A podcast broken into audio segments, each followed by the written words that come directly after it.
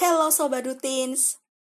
Setelah kalian klik tombol play warna hijau, saat itulah kalian sedang mendengarkan podcast Dutins. Yuk, mari kita dengarkan bersama-sama. Seseru apa sih obrolan kita? Eits, jangan khawatir. Tentunya akan terselip tips-tips sederhana yang berguna untuk pengembangan diri kita.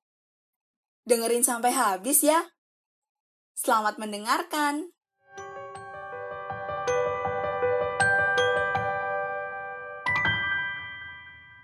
Halo Sobat Dutin, ketemu lagi nih bareng kita di episode 3 kali ini sama aku, Sheryl Fasyarianto. Kalian bisa panggil aku Sheryl dan di sini aku nggak sendiri nih. Aku bersama siapa ya? Coba kenalin dulu dong, Kak. Host satu lagi nih. Halo Tinzis, aku Shebi yang bakal nemenin Sheryl nih buat episode kali ini. Hai Kak Shebi. Wah, episode kali ini kita berdua nge-host Sheryl Shebi ya, Kak ya. Iya, mirip nih ya nama kita. Hmm. Hmm, di episode kali ini kita mau bahas apa sih, Kak? Oke, sebelum kita masuk ke pembahasannya nih ya, aku mau ucapin selamat dulu nih buat teman-teman yang udah diterima di kampus yang diinginkan dan juga semangat buat teman-teman yang mungkin masih berjuang ya atau sedang berjuang gitu. Menurut aku rezeki nggak bakal ke mana, jadi teman-teman don't worry. Untuk usaha dan berdoa itu pasti harus banget ya. Tapi aku juga percaya rezeki nggak bakal ke mana. Semangat terus buat teman-teman. Nah, mungkin salah satu upaya nih ya, supaya kita bisa masuk di kampus impian kita, kan kita bisa ngulik-ngulik nih ya, share. Ngulik-ngulik soal kampusnya, jurusannya gitu ya. Hmm. Salah satunya dengan dengerin podcast Dutins nih. Bener banget sih Kak Shep. Nah ngomongin soal ngulik-ngulik jurusan, terus bagi kalian nih yang udah keterima, keterima di universitas, Alhamdulillah ya. Aku turut senang juga nih sama kalian. Nah di episode 3 kali ini kita akan membahas mengenai perbedaan akuntansi di STAN dan di universitas nih. Nah bagi kalian yang mungkin keterima akuntansi, sabi banget sih dengerin ini sampai akhir ya Kak Shep? Betul banget. Oke, di episode 3 kali ini ngebahas akuntansi STAN dan universitas. Pastinya kita ada dua narasumber yang berbeda yang bisa mewakili STAN dan universitasnya nih. Siapa aja narasumbernya? Siapa aja nih Kak Syib? Nah, ini nih ada narasumber kita yang keren-keren banget ya. Ada Kak Agit dari Akuntansi UI dan juga ada Kak Angga dari PKN STAN. Nah, mungkin kita langsung sapa aja nih ya. Wih, Halo, oke Kak oke. Ag- Halo Kak Angga, gimana nih kabar kakak-kakak? Mungkin mulai dari Kak Angga dulu boleh. Halo semuanya, Alhamdulillah aku baik dan teman-teman semoga juga baik ya. Alhamdulillah. Oke. Nah, Oke, next ada Kak Agit. tapi pas kelas 10 dapat peminatan ekonomi dan kayaknya ilmu ekonomi itu praktikal gitu loh. Nah, terus eh, akhirnya tapi aku tetap nggak linjur pas semester pas kelas 2. Akhirnya eh, aku selesai IPA tapi kayak masih pengen coba ke ekonomi gitu kan. Jadi sebenarnya aku pengennya ekonomi dulu. Terus aku daftar ekonomi di UGM sama SBM ITB. Nah, itu nggak keterima kan. Terus kayak aku ngerasa kayak, aduh gimana nih nggak keterima. Terus akhirnya aku nyobain SIMAK UI. Nah, SIMAK UI itu eh, aku lihat kuotanya tuh yang paling besar akuntansi. Jadi kayak, ah aku pengennya di FEB nih gitu kan. Ya udah aku pilih akuntansi dulu deh. Terus kedua ilmu ekonomi, habis itu baru ilmu hukum. Kayak gitu sih dulu dan beruntungnya aku aku dapat akuntansi walaupun waktu itu kayak ah akuntansi apa nih? Gitu kan. Dulu aku cuma dapat ekonomi kan pasti cuma pengantar doang kan waktu SMA nah pas aku dapat akuntansi tuh kelas 12 IPS ya kalau nggak salah. Pas aku dapat akuntansi awalnya hahaha dulu tuh di semester 1 tapi kayak along the way akhirnya kayak rada ngerti dan agak suka sih sama akuntansi gitu Wah, keren banget nih. Kita jadi dapat persepsi dari kalau misalkan Kak Angka tadi SMA-nya IPS ya kayak kalau Kak Agit nih IPA. Jadi kita dapat persepsi yang berbeda nih. Dan, juga nantinya bisa dapat mungkin struggle-nya gitu ya Kak sama kuliah karena linjur gitu. Dari Kak Angga juga tadi katanya struggle juga nih eh, menghadapi akuntansi. Nah, kalau misalkan dari tes masuknya nih ya Kak, uh, kalau misalkan dari STAN dulu nih, itu kan sekolah kedinasan Kak. Mungkin ada tes-tes yang berbeda gitu Kak dari kampus. Gimana Kak Angga? Oke, kalau tentang tes sebenarnya tahunan aku sama tahunan tahun 2021 itu beda banget. Kalau tahunan aku itu kita nggak pakai nilai SBM. Jadi emang di tesnya itu cuman tes bahasa Inggris, tes potensi akademik sama uh, psikotes terus satu lagi itu ada tes fisik. Nah, tapi kalau untuk 2021 kemarin bedanya tuh uh, ada seleksi administrasi lagi tapi pakai nilai UTBK. Nah, dari situ di seleksi tuh ada perankingannya juga setahu aku. Bedanya kalau di UTBK kan kita belajarnya setahu aku ya. Soalnya aku juga nggak terlalu uh, belajar UTBK waktu itu. Soalnya fokusnya ke STAN. Kalau di UTBK kan uh, mungkin ada kayak pelajaran sosiologi dan lain sebagainya gitu kan kalau di soshum. Dan kalau di stan sendiri itu SBM itu UTBK itu cuman dari tes administrasinya doang. Setelah itu baru kita tes lagi. Tesnya lagi itu sebagai kayak beda subtesnya lagi gitu. Jadi TPA TBI itu dari STAN kalau tentang SKD-nya itu kayak sejarah dan lain sebagainya itu dari PNS-nya untuk jadi PNS bedanya mungkin di situ TPA TBI itu hampir sama kayak di SBM dan kalau untuk yang uh, eh, SKD itu ada kayak sejarah sejarah Indonesia terus Pancasila dan lain sebagainya. Dan yang bedain juga kalau di tahun kemarin setahu aku ada wawancara. Jadi wawancara kayak seloyalitas apa sih kamu untuk uh, negara ini? Kayak gitu-gitu. Jadi lebih setahu aku kalau untuk di STAN lebih ke gimana kita sebagai jadi PNS sih kalau di wawancara dan psikotes. Kayak gitu sih. Bedanya mungkin di wawancara sama psikotesnya aja. Sisanya untuk sejarah itu hampir sama sih. Bisa kayak sosum biasa gitu. Oh oke okay, Kak. Berarti harus belajar lebih untuk yang tes yang PNS-nya tadi itu ya Kak? Iya di SKD-nya mungkin. Di SKD namanya tuh SKD. Uh, eh, seleksi oh. kemampuan dasar. Kayak gitu. Oke, makasih banyak Kak Angga buat informasinya. Um, kalau dari Kak Agit nih, simak UI nih Kak. Biasanya kan di spill-spill susah nih ya simak UI. Mungkin Kak Agit bisa bagi-bagi tips mengerjakan simak UI. Hmm.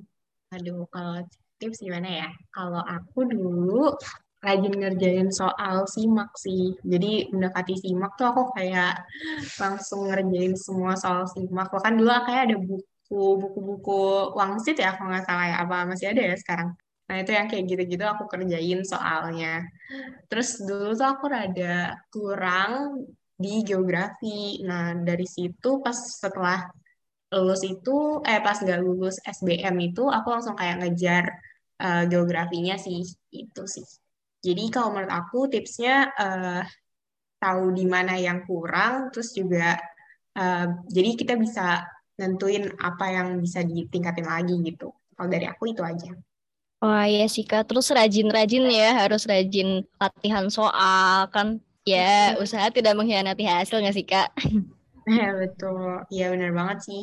Terus juga ini sih kayak kalau misalnya ngerjain soal, kalau misalnya kita kan banyak kebanyakan cuma nonton atau enggak, kalau sekarang mungkin kan karena pembelajarannya online juga kita nonton doang kan, atau cuma belajar uh, dari misalnya media daring gitu. Kalau kita nggak latihan, kita nggak tahu kemampuannya kita dong. Nah, dengan banyak latihan, jadi kita tahu mana yang kurang dan kita bisa ningkatin lagi. Tadi sih balik ke omongan aku tadi, kayak gitu. Oke, oke. Nah, kan Kak Angga sama Kak Agis tuh tadi udah cerita soal kayak fase-fase sebelum masuk kuliah. Nah, terus sekarang pas udah masuk nih kuliah akuntansi, gimana sih Kak proses belajar di jurusan akuntansi di universitas Kakak masing-masing? Ada nggak sih yang Kakak lihat tuh kayak hmm, beda nih di jurusan aku, di universitas aku nih kayak gini, terus ngerasa tuh beda kalau misalkan di universitas lain cara belajarnya gitu di akuntansinya. Mungkin sama bisa diceritain kali ya keseruan selama belajar di jurusan akuntansi ini gitu kak. Bisa dari Kak Agit dulu. Oke, okay. uh, eh, jujur aku juga kurang tahu ya kalau akuntansi di uh, stan kayak gimana. Kalau di UI itu mungkin dari fakultasnya kali ya yang menurut aku beda. Menurut aku fakultas FEB itu kayak singkatannya tuh kepanj eh kepanjangannya tuh fakultas ekonomi, eh fakultas event dan bazar. Jadi kayak tiap bulan selalu ada event gitu. Aku juga bingung. Bahkan kayak dulu tuh di FEB kan ada selasar. Nah, selasarnya itu tuh selalu ada aja gitu. eh, apa kayak boot-boot bazar gitu. Nah, itu dari segi lingkungannya. Kalau dari akuntansinya sendiri, eh, pembelajarannya menurut aku sih nggak jauh beda ya antara universitas kayak gitu. Itu sih dari aku. Oke, kalau ke Angga nih, gimana dari Stan sendiri? Ada nggak sih yang mungkin ngerasa kalau di Stan tuh kan tadi udah diceritain kalau misalkan tes masuknya sendiri kalau di Stan mengarah ke PNS kan, apakah di pembelajarannya juga jadinya yang diajarin tuh mengarah langsung ke PNS gitu? Hmm, Oke, Kalau dari aku sendiri, setahu aku ya, kalau di STAN itu sebelumnya pernah masuk juga ke universitas lain. Kalau aku tuh masuk ke SVIPB waktu itu, Sekolah Vokasi IPB, jurusannya juga akuntansi. Nah, mungkin tapi cuma beberapa bulan sih, kayak cuma sekitar empat bulanan. Dan eh, yang ngebedain, kalau menurut aku dari kampus eh, IPB aku sebelumnya sama di STAN, mungkin dari segi lingkungannya sih. Kalau pertama di STAN itu karena memang dituntut untuk belajar ya, karena kan di STAN eh, ada sistem yang bisa mengeluarkan mahasiswanya kalau memang uh, nilainya itu nggak mencakupi batas minimal. Kalau batas minimalnya sendiri sebenarnya nggak terlalu gede sih, nggak terlalu serem juga. Cuman IP itu hanya 2,75. Itu uh, gampang banget sih kalau misalnya emang mau belajar. Nah, lingkungan yang bedanya mungkin dari ikatannya karena ada uh, pressure kayak gitu, jadi mahasiswa di STAN itu bener-bener solid banget di bagian belajarnya. Kayak misalnya satu kelas itu pasti bakal ada ngadain yang namanya belajar bareng. Kalau di STAN tuh namanya tentir. Terus yang pintar pasti ngejelasin dia bakal jadi tentor yang belajar yang ngajarin sampai benar-benar paham. Bahkan kita bisa kayak dulu kalau misalnya offline ya, kalau offline kalau online mungkin nggak terlalu kerasa gitu. Kalau offline mungkin kita sampai benar-benar ada kayak khusus tempat gitu disediain sama stan yang memang tugasnya buat belajar. Jadi dosen juga hamin dua atau hamin seminggu bahkan UTS dosen uh, feel free buat ngajarin gitu. Kayak Pak uh, nanti ada UTS nih boleh tolong ngajarin gak materi ini? Kita belum paham. Ntar boleh tuh dosen bakal ngajarin langsung gitu. Bedanya mungkin di situ sih jadi lingkungannya belajarnya yang tadi kalau misalnya di stand tuh kan belajar belajar barengnya. Nah kalau misalnya di hasil UTS-nya ada yang jelek itu satu orang aja itu kita sedihnya benar-benar sedih banget. Bahkan kita sampai uh, benar-benar ngefokusin untuk ngajarin anak itu sampai dia bisa gitu buat uasnya nanti. Kayak gitu sih bedanya. Kalau dari segi lingkungannya kalau di uh, untuk dari materinya sendiri STAN itu setahu aku ada akuntansi pemerintah. Jadi yang khusus buat akuntansi yang memang tujuannya untuk ke pemerintahan. Kayak misalnya di kantor instansi A itu kayak gimana sih pencatatan laporan keuangannya? Terus di kementerian kayak gimana sih pencatatan laporan keuangannya? Kayak gitu Oke, langsung kebayang nih Kak solidaritasnya karena ada sistem drop out tadi ya Kak. Sebenarnya aku sering bertanya-tanya juga, e, beneran nggak sih ada sistem drop out gitu ya? Ternyata bener gitu dan ternyata uh, teman-teman di stand itu pada solid-solid semuanya, keren banget. Nah ini tadi kan mungkin Kak Angga udah cerita ada sistem drop out, terus um, juga tadi cerita sempat di awal itu ada ngomongin nyimbangin neraca atau apa gitu ya kak. Mungkin mohon maaf nih kalau aku salah gitu. Nah mungkin kak Angga bisa cerita nih gimana caranya kak Angga itu tetap enjoy terus bisa survive juga selama kuliah. Oke kalau dari aku sendiri sih ya mungkin jangan terlalu dilihat ya kayak misalnya IP-nya harus sekian gitu jangan terlalu dilihat. Tapi memang ya lakuin aja kayak misalnya minggu-minggu UTS nih, ya kita harus belajar gitu bareng-bareng dan jangan pernah malu untuk bertanya gitu kalau memang kita nggak pernah nggak ngerti untuk materi itu gitu. Jadi kalau di stand itu justru uh, bakal teman-teman sama dosen itu bakal senang kalau misalnya ada mahasiswa atau teman yang nanya gitu materi yang nggak nggak tahu itu apa. Jadi kita bisa nyelesain bareng-bareng gitu masalah tersebut. Nah, kalau dari aku sendiri, uh, biar enjoy, ya kalian jangan pernah malu buat sosialisasi sama teman-teman kalian di kampus gitu. Karena kan kalian udah mahasiswa ya. Jadi jangan pernah diem atau sendirian gitu. Karena kerasa banget kalau sendirian itu pas kamu jatuh gak bakal ada yang nolongin. Jadi ya uh, ini aja sosialisasi sama teman-teman, terus ajak uh, ngobrol atau uh, ajak tanya materi ya pasti di stand itu kalau misalnya memang ada yang kesusahan di bakal dibantu sih. Bahkan uh, untuk standnya sendiri itu ada alumni yang memang ngewadahin buat orang-orang yang gak mampu gitu. Dia mau les terus dia akademiknya kurang, bahkan dibiayain sama alumninya gitu. Namanya Ikanas, Ikatan Alumni Mahasiswa STAN gitu. Kalau untuk enjoy-nya sendiri sebenarnya nggak terlalu uh, jadi momok yang besar sih. Mungkin di momok yang besar di integritasnya karena kalau di STAN kan selain nggak boleh ada IP yang turun eh IP yang jelek 2,75 nggak boleh juga kalian nyontek gitu. Kalau misalnya nyontek ya pasti dikeluarin. Makanya kalau selagi uh, hidupnya belajar aja kalau misalnya emang udah UTS ya bakal UTS UAS ya bakal fine fine aja sih. Karena dosennya pun ngasih nilainya nggak terlalu jahat banget kok masih baik baik kayak gitu. Oke, berarti buat Tinzis nih yang mau masuk STAN mungkin nggak perlu terlalu khawatir gitu ya Kak, dengar-dengar uh, ada tentang sistem dropout gitu ya, uh, dari ceritanya Kak Angga tadi nih. Kalau misalkan dari Kak Agit nih, kan tadi katanya sering ada bazar, ada acara ya Kak ya. Mungkin boleh diceritain lagi nih Kak, keseruannya selama kuliah. Oke, eh, tadi tadi aku mau ngobrol yang tentang Angga tadi, aku juga jadi keinget di FE juga ada kayak misalnya uh, kita ngelis gitu ada orang-orang yang mungkin uh, ke akademinya kurang baik gitu. Nah di sini di situ kita bakal bantu dan uh, dari pihak himpunan biasanya yang bakal nanyain ke anak-anak kayak gitu. Terus juga dari himpunan sendiri biasanya tuh banyak banget kegiatannya. Mau itu himpunan manajemen, himpunan akuntansi maupun himpunan ek ekonomi Nah, masing-masing tuh bakalan ngadain bimbel. Jadi bimbel bimbingan belajar gitu persiapan untuk UTS. Nah, terkenalnya di FE walaupun kita ini terkenal FEB tadi, Fakultas Event dan Bazar, hamin dua minggu sebelum ujian, itu pasti kayak kegiatan kita di stop semua karena kita fokus untuk ujian UTS maupun UAS kayak gitu. Nah, keseruannya di FEB tadi itu banyak banget kegiatan yang bisa diikutin gitu. Mulai dari kalau misalnya mau ikut seminar, pengen tahu seminar kayak gimana sistem eh, panitianya. Nah, di situ ada juga. Terus juga panitia lomba, mulai dari lomba ekonomi, lomba budaya.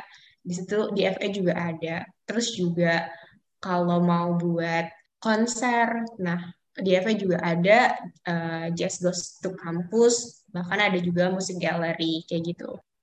Eventnya banyak banget dan seru banget sih. Terus juga di FE itu asiknya dari awal aja tuh ngerasa udah dibuka banget gitu pengetahuannya. Karena pas awal masuk di fakultas FE ini kan rata-rata mungkin di fakultas lain sistemnya kayak masih kalau yang aku dengar di teknik nih ya eh, itu kayak masih ada sistem dulu tuh pas zaman aku masih kayak harus sama kakak tingkat harus hormat, nggak boleh ini, nggak boleh itu. Tapi di FA itu bahkan pas awal aku masuk orientasi, langsung ketemu sama ibaratnya ayah sama ibu gitu, karena kayak mentor, mentor OPK namanya. Jadi OPK tuh perkenalan gitu, orientasi MOS, kalau misalnya uh, orang-orang biasanya bilang. Nah, di situ tuh bahkan kita dituntun untuk kayak bikin kegiatan-kegiatan kayak misalnya ada tugas nih OPK, nah tugasnya itu tuh merekatkan kelompok gitu loh, kayak misalnya tugas bikin nganyam gitu, tapi nganyamnya tuh nganyamnya kayak gede banget gitu misalnya untuk nemtek. Nah itu kan kayak harus kerja sama satu tim kan, kayak setiap hari ketemu dan jadi ngobrol-ngobrol banyak banget tentang FP dari situ. Budaya itu yang menurut aku asik banget sih di FE dan jadi lebih cepat adaptasi orang-orang yang masuk di FE gitu atau mahasiswa baru yang masuk ke FE. Terus juga uh, asiknya lagi dengan kayak gitu transfer ilmu dari cutting-cutting ke bawah itu tuh jadi lebih cepat juga. Misalnya ada nih drive yang kayak kumpulan catatan-catatan cutting gitu. Atau kumpulan kayak buku-buku yang bakalan dipakai nanti selama kuliah. Terus ada juga catatan-catatan kayak gitu tuh udah disiapin gitu loh. Kalau misalnya sama uh, mentor-mentornya. Jadi nanti tinggal dibagiin ke uh, menti-mentinya kayak gitu. Terus juga itu bahkan kayak beberapa temen aku yang sampai sekarang OPK-nya itu masih deket banget gitu. Itu sih kalau dari aku. Terus juga apa lagi ya? Mungkin kalau dari sisi belajar bareng dan tadi kan uh, gimana caranya survive di FE, uh, menurut aku dengan kamu banyak kegiatan kayak ikut kepanitiaan ataupun organisasi itu salah satu cara untuk kamu dapetin kenalan seenggaknya. Jadi kalau misalnya nanti mau masuk kelas gitu, seenggaknya kamu udah punya orang yang kenal untuk bikin grup tugas gitu kan. Jadi lebih enak aja gitu. Atau pas lagi regol, regol bareng bisa milih eh, dosen-dosen yang asik gitu. Wah, ternyata di UI keren banget juga ya. Kan biasanya denger-dengar kalau misalkan kampus-kampus ternama tuh apa tuh persaingannya ketat gitu ya, tinggi dan mungkin kayak antar mahasiswa tuh sampai yang pengen lebih tinggi tapi ternyata dengar-dengar dari Kak Agit tadi solidaritasnya oke okay juga ya. Kayak banyak yang nanya ini kalau misalkan ada yang akademiknya kurang baik dibantu. Terus dari himpunan juga ada ngadain bimbel. Keren banget sih Kak. Memang lingkungannya di UI dan di STAN tadi ya. Oke okay. kan tadi udah cerita nih tentang cara enjoy terus survive selama kuliah dari Kak Agit sama Kak Angga sendiri ada nggak sih bisa kasih tips and trick atau saran nih kepada Tinzis nih yang ingin masuk jurusan akuntansi yang mungkin masih struggle sama ujian-ujian masuk universitasnya dan kayak mungkin masih bimbang nih mau milih jurusan apa? Dan dari Kak Agit sama Kak Angga bisa kasih saran nih saya ingin masuk jurusan akuntansi baik di STAN dan di universitas. Mungkin dari Kak Agit dulu Oke, kalau dari aku sih sebenarnya aku agak kurang tepat ya menyarankan ini. Soal aku juga waktu itu pilih akuntansi alasannya simpel banget karena kuotanya besar gitu. Aku sih ngelihat tempat pendidikan itu lebih mikirin lingkungannya sih. Kenapa? Karena dibandingkan pembelajarannya doang, menurut aku lingkungan yang bisa buat kita berkembang itu jauh lebih menarik gitu. Itu sih kalau dari aku. Dan kalau misalnya kalian nih yang baru mau pilih jurusan, tahu apa yang kamu mau sih dari jurusan itu gitu. Oke, bener banget sih ya Kak. Karena di perkuliahan tuh ya kita nggak hanya belajar akademik, tapi belajar gimana nih kita ngadepin hidup ke depan ya nggak sih. Jadi pinter-pinter milih universitas dengan lingkungan yang baik, kata Kak Agis tadi. Kalau dari Kak Angga, ada saran gak nih Kak? Ya, kalau dari aku, aku setuju banget sih. Kalau lingkungan kampus itu benar-benar mempengaruhi tumbuh kembang kita di menjadi mahasiswa gitu. Apalagi semakin lingkungannya baik, ya tentu bakal meningkatkan daya paham kita, wawasan, dan lain sebagainya gitu ya. Terus kalau untuk teman-teman yang masih berjuang gitu untuk misalnya udah tahu nih, ah, aku mau ke UI atau misalnya ke STAN akuntansi kalau aku dulu dari awal uh, tertariknya itu masuk stan karena aku mikirnya kalau dulu itu stan itu langsung ditempatin kerja gitu. Aku mikirnya itu doang, simple banget sebenarnya. Dan pas dilihat ternyata kan jelas kalau misalnya kayak gitu kayak UI, stan itu kan pasti banyak banget peminatnya. Nah, gimana cara buat teman-teman ngejar itu? Ya teman-teman harus coba apa ya belajar, belajar sih belajar terus uh, berdoa sama minta doa restu orang tua itu penting banget. Dan jangan pernah kayak misalnya nih aku tuh dulu pas di SMA gak pernah yang namanya dapat ranking.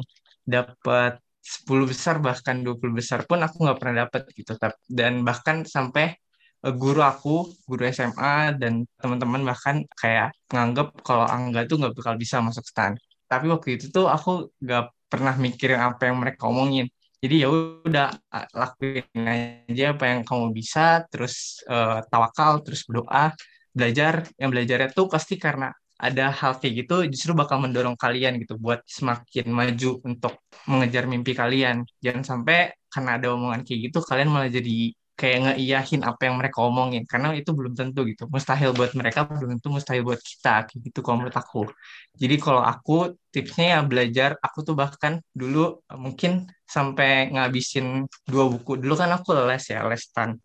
Itu ada satu buku uh, tentang stannya terus satu lagi aku beli Nah itu aku abisin bener-bener sampai kalau nggak paham juga aku tanya ke guru les, terus aku tanya ke teman-teman aku yang berjuang ke stan. Jadi ya perjuangin aja apa yang memang kamu inginkan, jangan sampai kamu akhirnya malah ngelepas apa yang kamu pengen gitu. Tapi kalau emang udah di akhir ternyata tidak sesuai dengan apa yang kamu pengen ya berarti itu memang bukan rezekinya jadi jangan terlalu putus asa juga kalau misalnya memang tidak sesuai dengan apa yang kalian inginkan dan uh, jangan lupa juga untuk uh, selalu mendapat apa ya mencari plan B-nya. Jadi kalau misalnya ah aku nggak bisa ternyata ke UI gitu, terus pokoknya terus aja mencoba gitu. Kayak dulu aku tuh ke STAN emang kayak mustahil banget aku mikirnya. Tapi aku coba terus dan akhirnya aku sampai di IPB gitu. Dan di IPB alhamdulillah kan seleksi pertama lolos. Terus uh, mungkin di situ emang ada kayak godaan gitu. Apalagi kalau teman-teman ada yang udah kuliah misalnya kuliah terus tapi pengen nyoba lagi tahun depan itu pasti ada godaannya buat belajar lagi gitu. Tapi kalau emang cita-cita yang mau ke sana ya kerja dan jangan sampai benar-benar jangan sampai dilepas gitu cita-citanya. Karena itu kalau kalian belum semaksimal mungkin belajarnya sampai uh, berdoa se sampai nangis gitu uh, menurut aku kurang sih. Harus benar-benar sampai kamu puas dan kalau udah dapet hasil yang kamu pengen itu bakal beda banget rasanya. Gitu deh aku aku juga mau nambahin nih bener sih itu katanya Angga ya kayak kejar aja gitu apa yang kau pengen tanpa peduliin uh, apa yang orang-orang bilang. Tapi menurut aku juga ada tambahan nih tahu limit atau batasan gitu. Misalnya kalau misalnya emang tadi kalau kata Angga tuh tahu tahu plan B-nya. Jadi kayak kalau misalnya di A nggak dapet kamu punya plan B mau pilih ke mana gitu. Dan menurut aku hasil tidak pernah mengkhianati usaha. Jadi ya kasih semaksimal mungkin yang kamu bisa gitu. Kalau misalnya emang kamu pengen ke tempat yang benar-benar kamu inginkan gitu sih. Iya setuju banget ya uh, apa namanya tadi kan kalau misalkan kita mengejar impian tuh kalau misalkan kita kuliah kan nanti yang jalanin diri kita sendiri ya. Jadi kita gak usah terlalu dengerin omongan orang lain gitu. Tapi persiapan plan B juga perlu banget gitu ya. Jangan lupa juga tiga kuncinya gitu ya. Um, usaha berdoa sama tawakal. Oke, karena tadi udah kita dengerin banyak banget nih cerita dari Kak Agit, Kak Angga yang seru-seru banget dan keren banget. Jadi di sini aku pengen menyimpulkan sedikit nih buat Tinzis yang mungkin masih bimbang, terutama Tinzis yang pengen masuk jurusan akuntansi gitu kan masih bimbang mau masuk STAN atau mungkin mau masuk instansi selain STAN gitu. Nah kalau misalkan tadi dari tesnya itu beda gitu ya antara um, STAN sama kalau misalkan mau masuk UNIF gitu. Bedanya mungkin tadi mau masuk STAN itu ada uh, tes SKD. Nah, dan juga kalau misalkan kuliah di STAN nih buat Tinzis yang mungkin sering dengar-dengar gitu, ah, ada IP minimalnya loh gitu, ada sistem drop out-nya. Nah, tadi dari ceritanya Kak Angga, ternyata solidaritas di STAN itu tinggi banget gitu ya. Dan juga ternyata di UI juga sama gitu, solidaritasnya solidaritasnya juga tinggi gitu. Iya, bener banget Kak Syed. Jadi, nih buat Tinzis, apa pun nanti pilihannya mau akuntansi di universitas negeri atau swasta atau mau di STAN atau mau di universitas lainnya dan nanti misal rezekinya keterima di mana intinya ingat untuk memaksimalkan potensi diri dan lingkungan sekitar. Ya nggak kasyep kak? Nggak kaget betul banget. Betul setuju. Okay, kalau gitu udah berapa menit berlalu kita ngobrol-ngobrol bareng ke Angga ke Agi. Kita tutup aja kali ya Kak Shep podcast kali ini. Tinzis juga nih udah nggak sabar mau mengimplementasikan apa yang tadi udah didapat dari cerita Kak Angga dan Kak Agit. Langsung mau belajar pokoknya besok. Ya, nih, langsung buru-buru mau masuk stan nih ya sama ikutan UI nih. Banget. Oke deh Tinzis, kalau gitu kita tutup podcast episode 3 kali ini. Jangan lupa untuk dengerin terus episode-episode yang lain. Dan selamat beraktivitas kembali. Dadah. Dadah Tinzis, thank you banget Kak Agi, thank you Kak iya, Angga. Iya, yeah, thank you Kak Angga. Thank, thank you, Kak juga. Agi. Thank you juga teman-teman. Semangat.